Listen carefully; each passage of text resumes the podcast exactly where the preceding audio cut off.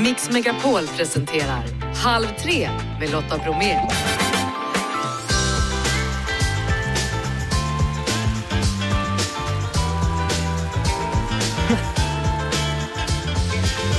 Hallå där och varmt välkommen in i Halv tre-studion. I dagens torsdagsmix, Petter, han dyker upp vid tre, nu firar hans musik 25 år, han målar och är på turné. Vi kollar in drakar och dragqueens som turnerar runt på bibliotek med sagostunder. Och vi pratar om raka motsatsen då, kriget i Ukraina, nu är det snart ett år sedan det startade. Ni hör också i dagens program om kasino på äldreboendet och så räknar vi öar Dessutom blir det bytte bytt med Cornelia Jacobs i två delar och den första delen den hör ni alldeles strax. Nu ni, nu ska ni få första delen i en tvåstegsraket, det kan man väl kalla det för. Det handlar om serier.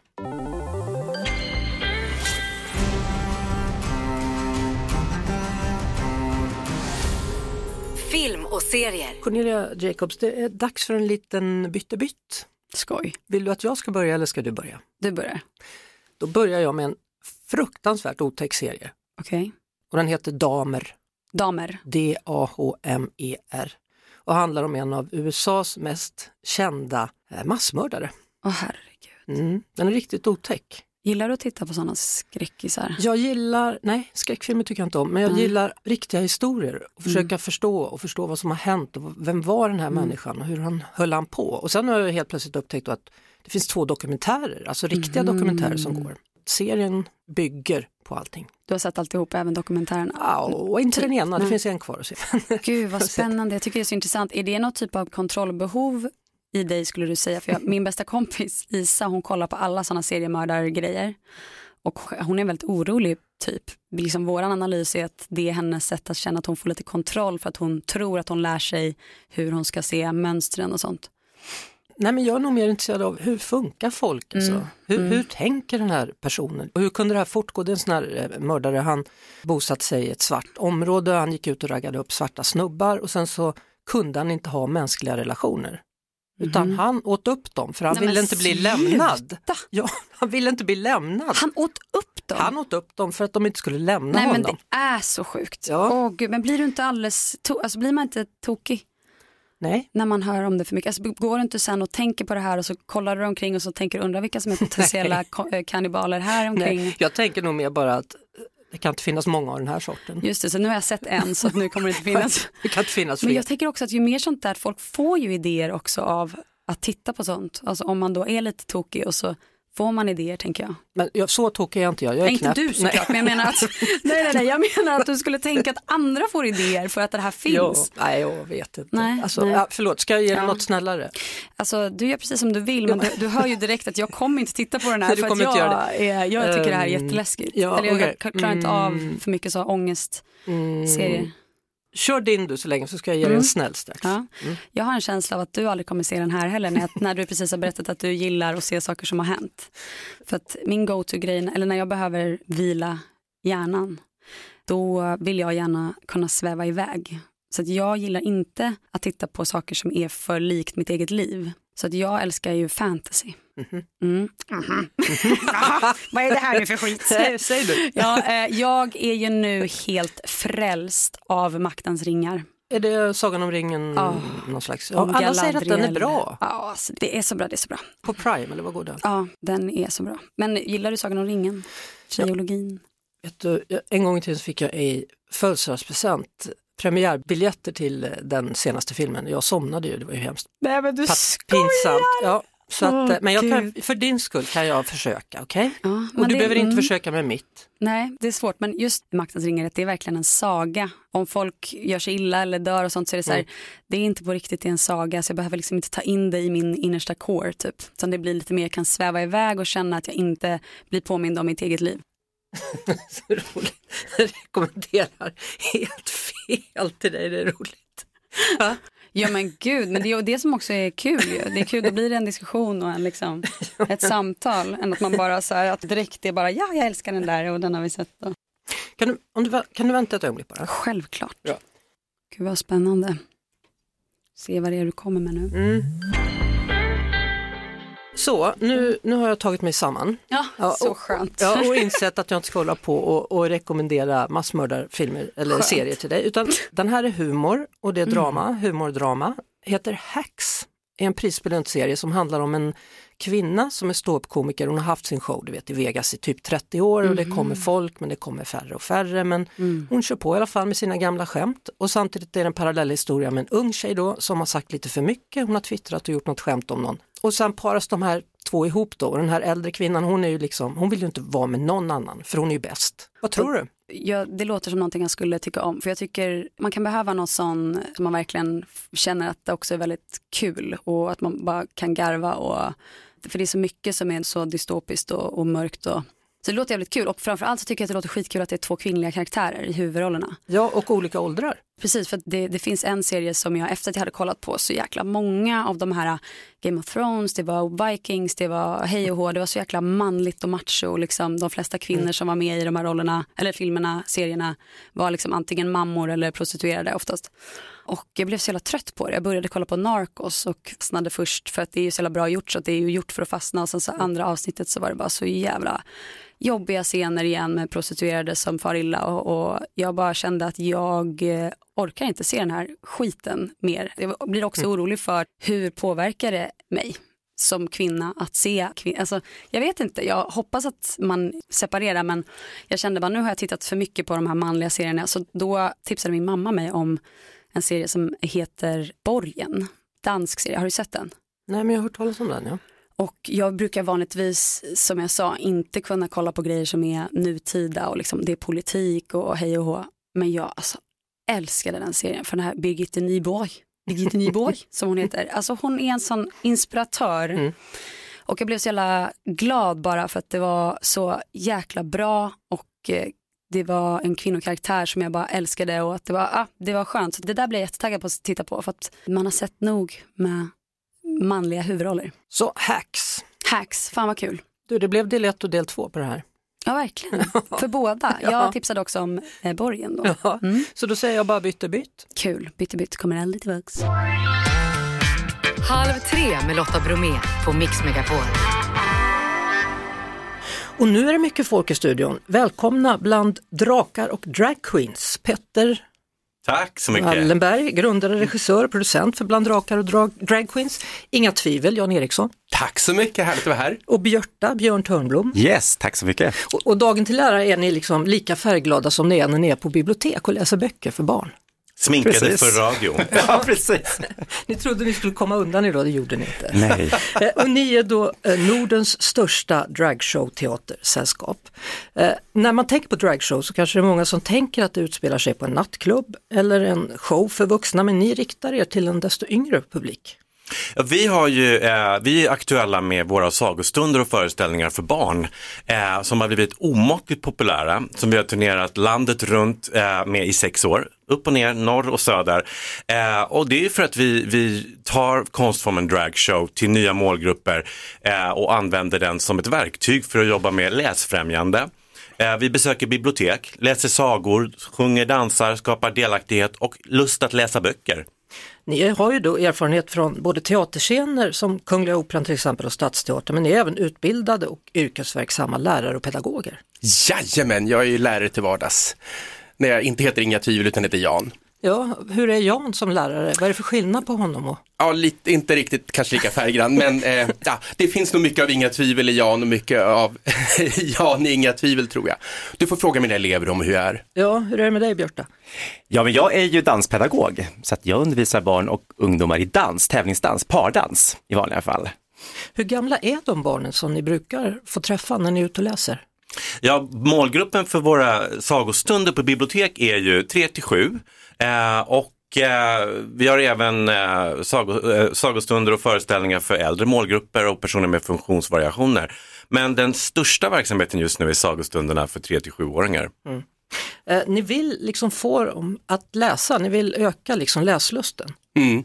Och för att läsandet går ju drastiskt ner och det vill vi sätta stopp för. Vi måste läsa mer och det här är ett sätt att, att närma sig läsandet, att liksom låta fantasin flöda, att göra det kul, skojigt, med glitter, med glädje, sång, sång och dans. Hur, hur var du när du var liten, gillade du att läsa?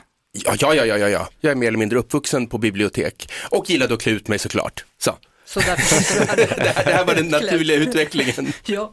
Eh, Björn, hur är det med dig då? Gillade du att läsa när du var liten? Jag gjorde ju inte det. Jag blev, hade inte den eh, på något sätt intresset. Eh, däremot att klä ut sig och ha färg och glitter och glamour och sånt, det var ju ett stort intresse som, som barn. Mm. Så att jag får ta igen läsandet nu och sprida, för det är viktigt med läsning. Så att jag jobbar verkligen för att det ska mm. bli bra. Det är inte bara öka läsandet då bland barn och unga utan det är också att försöka få ner utanförskap och psykisk ohälsa. Hur gör ni då? Alltså mobbing och utanförskap är ett jättestort problem idag. Det är jättemånga barn som eh, eh, mår dåligt och eh, vi försöker ju visa på ett enkelt och lättillgängligt sätt att man får vara som man vill, man får uttrycka sig som man vill. Och det räcker så. Eh, man behöver inte gå in på mer detaljer än så, utan genom att bara visa att människor har olika sätt att vara och uttrycka sig på, så ser barnen att oh, det är okej. Okay. Mm. Vi, vi, har ju också dock hört om andra liknande sällskap som kritiserats hårt av lokalpolitiker och vänder vi blickarna mot USA så vill ju eh, guvernören i Florida förbjuda eh, drag queens att läsa böcker. Va, va, hur känner ni? Jag tror att det bottnar i en rädsla för det man inte är van vid och det man inte känner till. Att de som kritiserar kanske inte förstår vad det är vi pysslar med. De förstår inte att dragshow är en konstform. Utan de läser in vuxna begrepp i det. Men barnen förstår ju. Om det är några som verkligen förstår det här med att klä ut sig, glitter, glädje och glamour, då är det barnen. Att gestalta sig själv i nya skepnader, klä ut sig och leka och ha kul. Mm. Brukar de bli blyga när ni kommer eller är de bara på med en gång? De är ofta väldigt på och vi uppmanar ju våra besökare att klä upp sig, klä ut sig, klä om sig i sina allra finaste kläder. Så det kommer Spiderman, det kommer Elsor och det kommer liksom Astro astronauter, astronauter. Ny nyckelpigor. Ja, allt möjligt. Äh, när ni är ute och uppträder då på bibliotek så har ni ofta fem myror är fler än fyra elefanter lite som förebild. På vilket sätt är det? Ja, jag brukar säga att vi är som en mer glamorös variant av fem myror är fler än fyra elefanter. Eh, vi jobbar med eh, läsfrämjande, siffror, bokstäver, att få barn att, att vilja skriva och läsa och förstå det här på ett roligt sätt. Mm. Eh, och eh, det gör vi genom sånger, genom dans och genom olika övningar där barnen är med. Och publiken är ju alltid delaktig. Den är minst lika viktig som våra artister. Ja, ska vi ta det där smakprovet nu? Jag är lite sugen. Ja, precis. Ja. Nu är det så här Lotta, vi, som sagt alla är delaktiga, så nu får du vara delaktig. Ja. Plocka fram barnet inom dig ja. så kör vi lite grann från Bland drakar Drag Queens. Mm. Det hade inte regnat på flera dagar. Marken var torr och blommorna såg ledsna ut. Har du sett Lotta hur de ser ut? De hänger med ja, huvudet här. Ja, jag... Det är nog bäst att jag ger dem lite vatten, tänkte lilla Björn. Så att de blir friska och glada igen och tog fram vattenslangen. Han vattnade hela eftermiddagen, ända till solen gick ner. Då kände han hur hungrig han var. Jag ska nog ta och baka mig en smarrig äppelpaj, tänkte han. Och gick han in i sitt lilla hus. Och Lotta, varför, köpt, varför gick han in och gjorde en äppelpaj? Kan du se här på bilden? Mm. Han hade ju ett äppelträd. Ja, han har ju äppelträd fulla med smaskiga röda äpplen. Mm. Och ser du slangen där? Den ligger där. Men lilla Björn hade så bråttom in att han glömde att stänga av vattnet. Oj då. Slangen låg kvar på gräsmattan hela natten och sprutade ut vatten. Vattnet steg allt högre och snart hördes en fiskmås skratta och skräna ovanför, fisk, ovan, ovanför trädtopparna. Och var finns fiskmåsar Lotta? De finns i havet. Ja, inte i trädgårdar. För du ser ju vad som har hänt här. Fisk. Ja, mm. och Massor med Nästa fiskar. dag är det så mycket fiskar. Vad ser vi för färger på fiskarna Lotta? Jag ser rosa och rosa. och blått. Blåa fiskar, alla möjliga sorters. Och nu är vi nyfikna på hur fortsättningen kommer vara då får man besöka en av våra sagostunder bland drag, drag queens. Det får man göra. Ja. Och nu, vad är det här? En vante. Ja, det är en vante. Gillar du vantar Lotta? Ja, ibland. Ja, vantar är väl toppen. Jag tycker så mycket om vantar att jag sjunger om dem, förstår ni. Och jag sjunger först och ni sjunger efter. Nu kör vi! Åh, oh, så här går det. Jag älskar mina vita vantar. Kan sjunga Jag älskar mina vita vantar. Jag älskar mina vita vantar. Jag älskar mina vita vantar. Men då, då äter jag ett hallon. Oj. Vilken färg får mina vantar då? Då blir de rosa. Ska vi ta dem i rosa? Vi säger abrakadabra. Abrakadabra. De blev...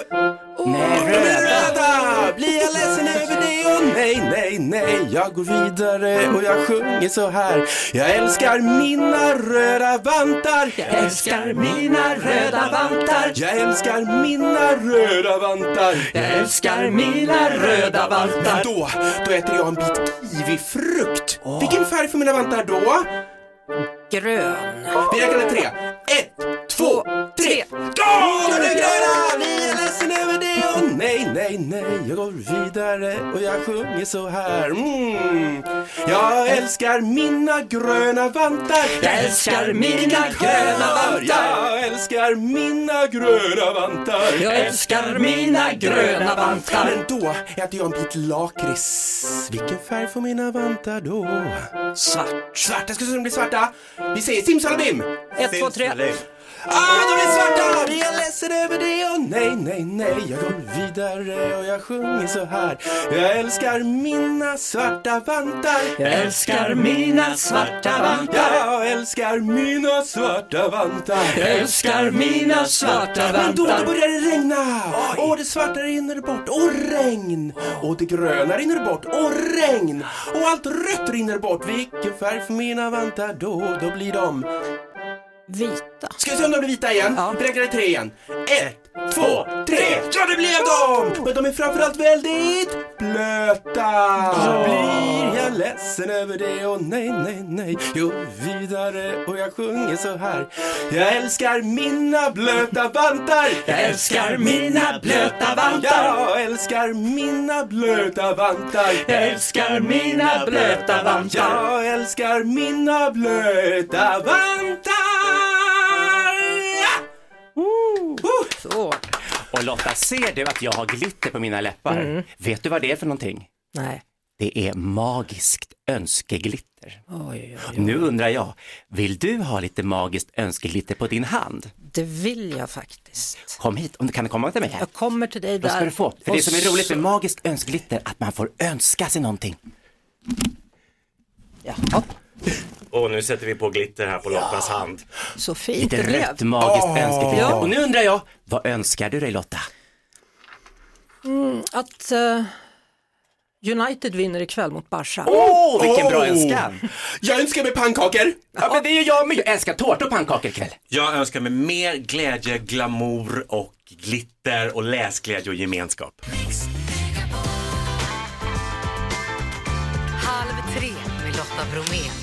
Han heter Petter Alexis Askegren. Han är sommelier, han är artist, han har vin, han har hamburgare, han är författare, han behärskar det svenska språket och han är dessutom dagens gäst. Läget då? Det är bra. Eh, hamburgare har jag inte längre. Nej, men, eh, du kan hamburgare. Ja, ja absolut. Men Ja. allt det andra, det stämmer faktiskt. Men hur, hur, hur, kan du vara sån? Du är så himla produktiv. Eh, ja, men jag tror att jag gillar kontraster. Jag gillar ehm, att det händer mycket olika saker och så vill jag inte bli uttråkad så då börjar jag på något nytt. Det betyder inte att jag släpper det gamla utan jag håller alla bollarna igång samtidigt på något vis. Eh, precis i dessa dagar, för 25 år sedan, så debuterade du med mikrofonkåt.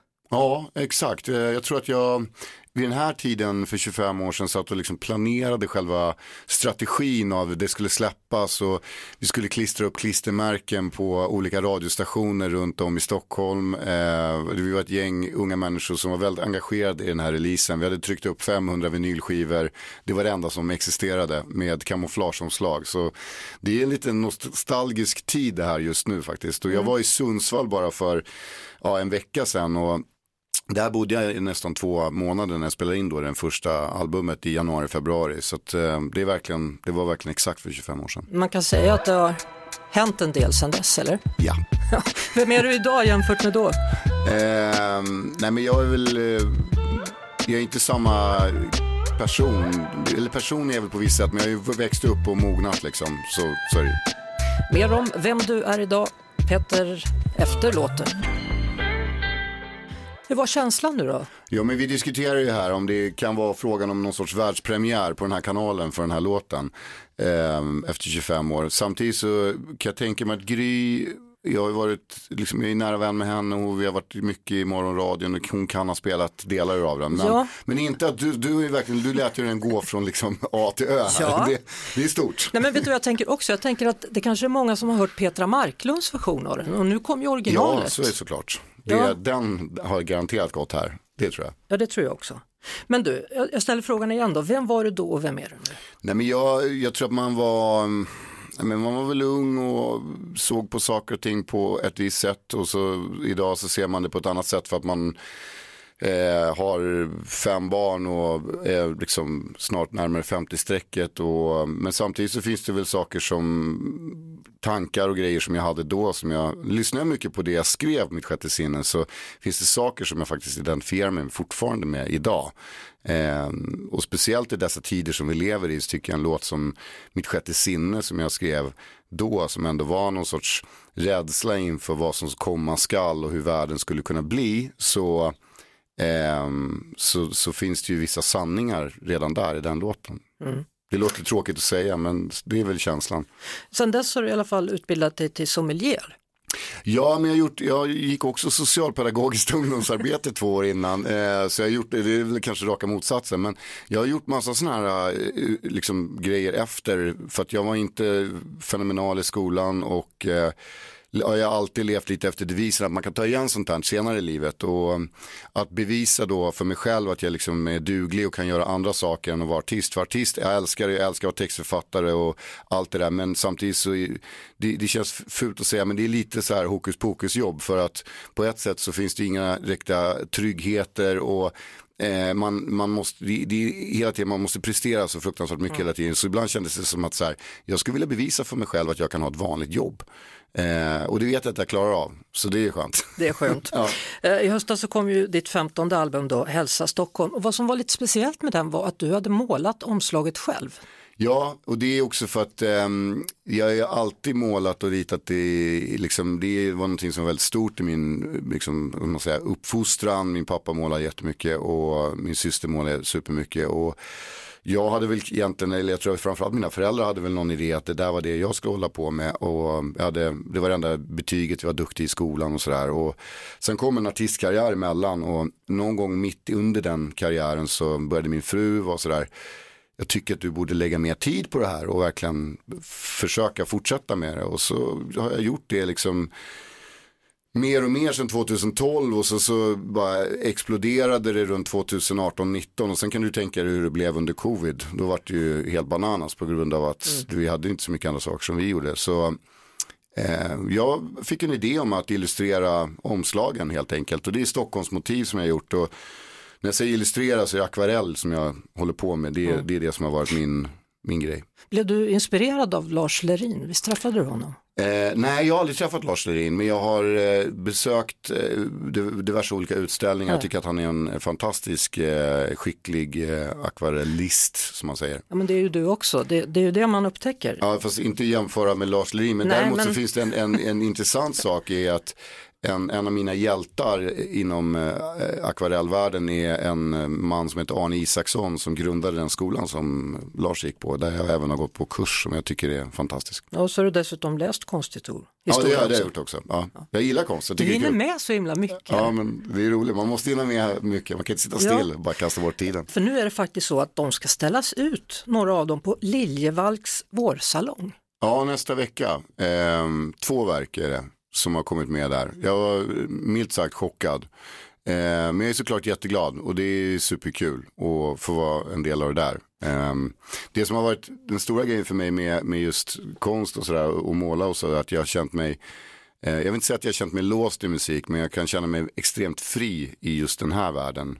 Ehm, och det kan väl kanske ha att göra med också att jag inte riktigt tillhört något etablissemang. Ehm, I musikbranschen har jag ändå varit en figur nu i 25 år. Så att ja, det är verkligen en fantastisk värld att liksom utforska och, och göra mycket i. Men, men hade du tänkt dig det när du var liten, att du ville bli konstnär? Min mamma var nog på mig rätt mycket om, om eh, att det var, skulle kunna vara ett alternativ. Jag kanske drömde mer då på den tiden om att kanske bli serietecknare, illustratör eller någonting sånt. Men eh, jag har nog aldrig släppt tanken av att, att det här med akvarell skulle kunna vara någonting. För att jag, jag mår så fruktansvärt bra när jag gör det. Jag, jag, jag får en extrem harmoni liksom i kroppen och blir väldigt så jag kan stänga av rätt mycket runt omkring. Men, men då målar du på papper, inte på duk?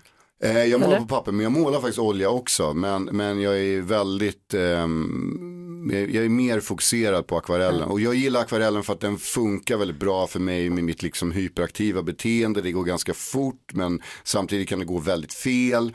Eh, pigmenten ter sig på alla möjliga galna sätt och ibland kan man kontrollera det, ibland kan man inte kontrollera det. Och när det blir rätt så blir det, det, det är en så här euforisk känsla. Det är ungefär som man kommer ut ur studion och känner att man har gjort en låt som man vet att det här, det här är en riktigt stark, det här är en fantastisk låt. Ja, alltså musik för mig och, och även att måla det är liksom någon slags eh, järnväg, eller inte järnväg, någon genväg till känslorna för att det behöver inte gå någon, eh, behöver inte tänka så mycket, bara göra. Nej, exakt. Och samtidigt så tror jag att i mitt fall så handlar det just om det kreativa utloppet. Att det hade kunnat vara vad som helst egentligen. Det hade nog kunnat vara snickeri eller keramik eller någonting annat. Men nu blev det faktiskt just de här två sakerna som jag håller på med. Ja, kul.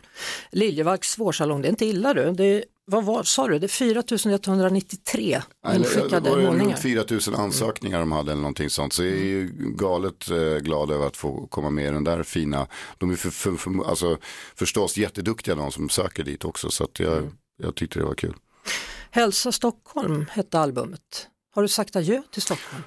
Nej, men det blev liksom en bra arbetstitel. Vi gjorde en låt som jag och Myra Granberg och Adele satt och skrev på. Och så beskrev den här känslan att sätta sig på nattåget som jag också för övrigt målar rätt mycket på. Och så åker jag upp mot Jämtland och så eh, fanns det liksom en, ibland kan du behöva en konstpaus från saker och ting. Och det kan vara allt från en relation till en, eh, vad du nu än håller på med för någonting. Så, så kan det kännas så här att bara få en liten, liten paus. Och då blev det som att Hälsa Stockholm blev en skiva som blev ett arbetsnamn för låtar som på något sätt kretsade kring min uppväxt i den här stan. Jag fick också reda samtidigt på att jag är sjätte generationens Södermalmsbo, vilket jag absolut inte visste om.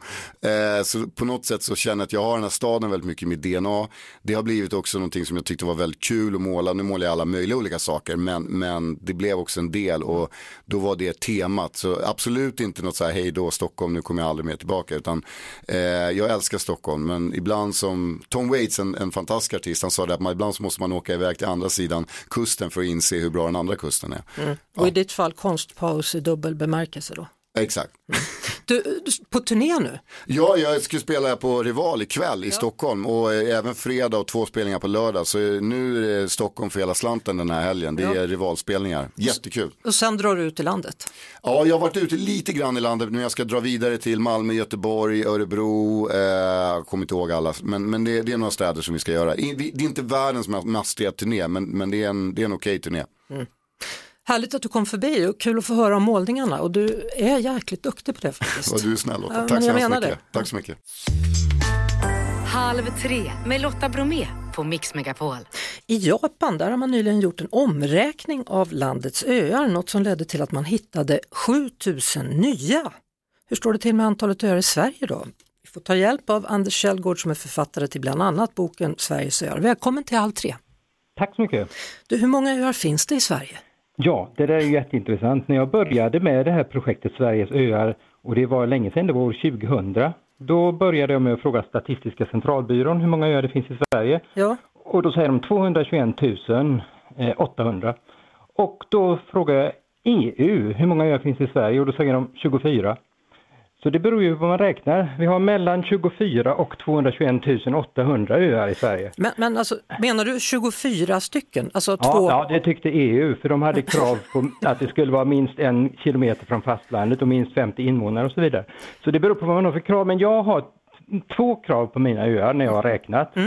Och det första kravet är att de får inte ha någon fast landförbindelse, bro eller någonting sånt. Nej, håller jag med om. Andra kravet är att det måste ha bott någon där året runt efter år 1900. Ja, Ja, och räknar man på det sättet så får man med alla, alla öarna som är med i min bok Sveriges öar då. Ja. Och det är 1316 öar. men, men nu blir jag jätteförvirrad här, för du har 1316, EU har 24 stycken Ja, och ja. Statistiska centralbyrån har 221 800.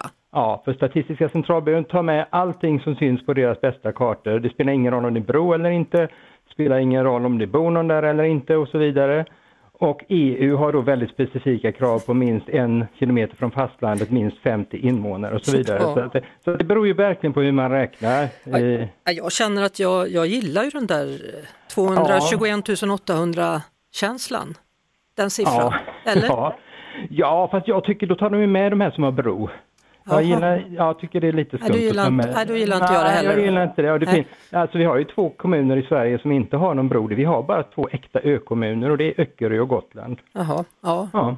Öland räknas inte då, nej, för det är Ölandsbron. Nej, för det har bro, precis, precis. Mm. Och, och, ja, Ja, då får det ju vara så då. Vad, vad, vad är en optimal ö enligt dig? Har du någon favoritö?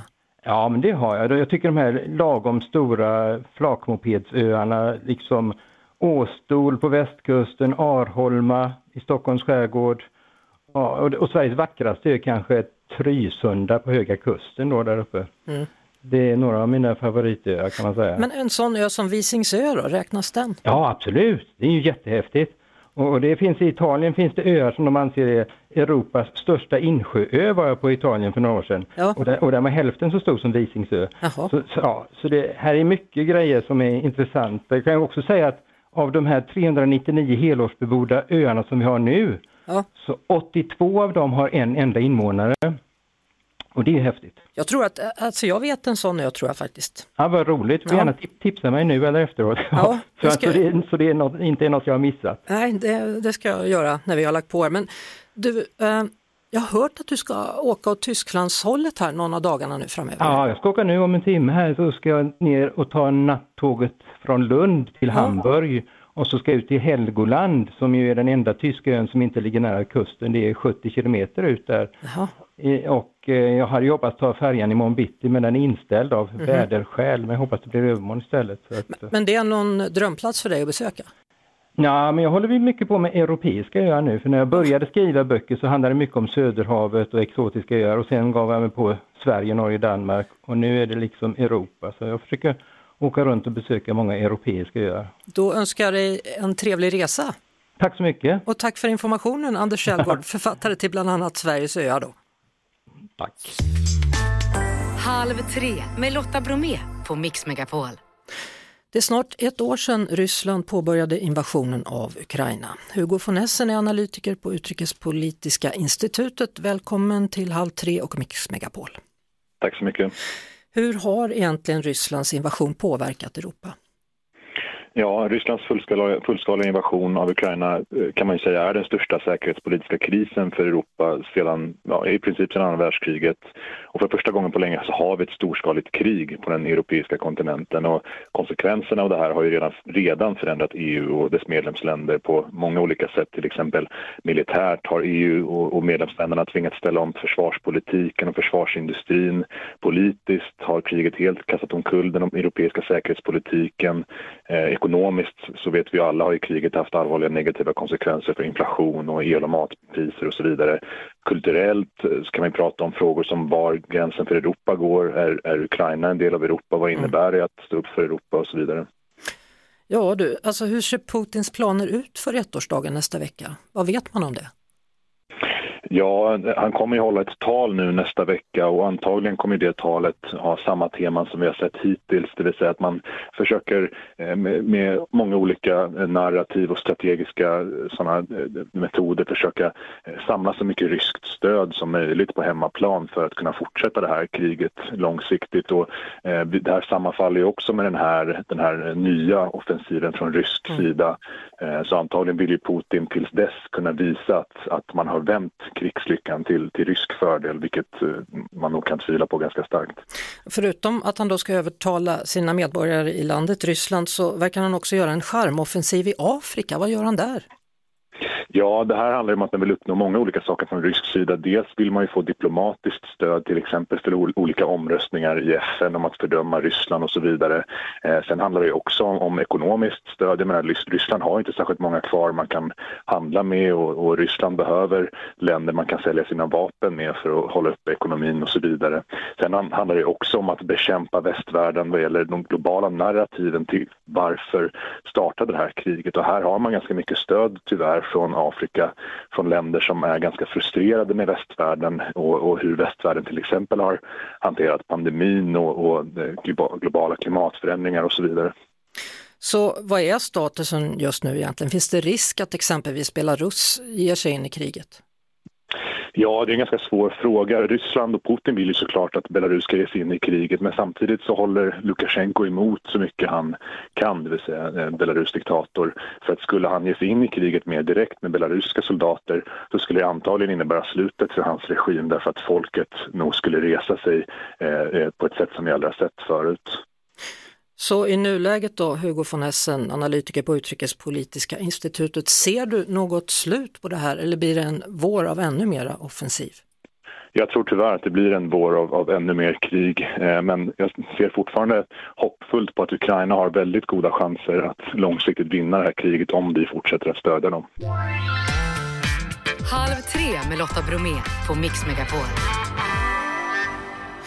Eh, nu ska vi prata med Mia Hernell Blomqvist som nyss kommit hem från ett kasino. Nej, hon är inte i Las Vegas utan hon är på Djupängens äldreboende i Hammarö och jobbar som utvecklingsledare i Hammarö kommun. Och varje torsdag så, så är det kasinoverksamhet för de boende. Hallå Mia! Hej Lotta! Hur var dagens kasino? Alltså det här blir ju bara större och större för varje gång. Vi vet inte riktigt vad det är vi har dragit igång. Så jag var lite sen till dig där för att det blir sån succé liksom. Det kommer fler och fler folk varje gång. Ja, alltså spelar ni om riktiga pengar? Nej, det gör vi inte. Det är guldpengar och chokladgodis och man kan vinna pennor och lite annat. Så att, ja, ja. Eh, nej, vi håller det där. Ja, men det är bra. Då är det ingen som behöver reta upp sig på det och tycka att nej, det är hemskt. Nej, precis. Och inte behöver vi något tillstånd heller tror jag. Nej. Alltså, hur är det då? Klär man upp sig? Är det smoking och, och lite sådär drinkar och så? Eller hur, hur mycket får man bre ut sig? Ja, jajamensan. Eh, framförallt eh, personalen klär upp sig fint. Är liksom vit skjorta och det är fluga och det är svarta byxor eller klänning och många av de boende kommer också och är jättefina och uppklädda i nya klänningar och tillfixade och kan till och med komma något diadem eller någon tiara förbi. Det är ju perfekt. Eh, när jag har varit i Las Vegas då så är det ju roulette eller poker som gäller. Vad gäller på ert kasino? Ja, roulette har vi inte lyckats få till med, men vi har ett lyckohjul, men framförallt har vi ett blackjackbord och det har ju blivit en riktig succé. Så att runt blackjackbordet där är det fullt varje torsdag från vi öppnar till vi stänger, det kan jag säga. Jaha, hur lång öppettid har ni på ert kasino då? Eh, vi har öppet ungefär två timmar från klockan två till klockan fyra på eftermiddagen. Så det är ju ganska, ganska bra tider. Så vad tror du nu då? Tror du att de kommer vilja utöka det här och ha kasino varje dag? Ja, alltså jag tror inte vi orkar riktigt, men kanske som sagt var, jag tror att det kan vara rätt bra att man får sex dagar och vila upp sig så att man kommer och är pigg och fräsch när det väl blir torsdag. Ja, ja. Vad har ni för musik medan ni spelar? Eh, ja, idag var det väldigt, eh, hade vi önskemål om Elvis, så att det ska vara liksom lite rock'n'roll och det passar väl egentligen om man ska ha den här eh, riktiga Las Vegas-stämningen. Absolut. Viva ja, Las Vegas till exempel. Jajamän. Ja. Men du, var härligt, vad kul det låter. Hälsa allesammans och eh, fortsätt med ett bra initiativ då. Casino på det torsdagar. Kasino på Djupängen, det ska ja, vi göra. Tack så mycket. Hej hej Mia. Vi hörs såklart på Mix Megapol varje eftermiddag vid halv tre. Ett poddtips från Podplay. I fallen jag aldrig glömmer djupdyker Hasse Aro i arbetet bakom några av Sveriges mest uppseendeväckande brottsutredningar går vi in med hemlig telefonavlyssning och, och då upplever vi att vi får en total förändring av hans beteende. Vad är det som händer nu? Vem är det som läcker? Och så säger han att jag är kriminell, jag har varit kriminell i hela mitt liv men att mörda ett barn, där går min gräns. Nya säsongen av Fallen jag aldrig glömmer på Podplay.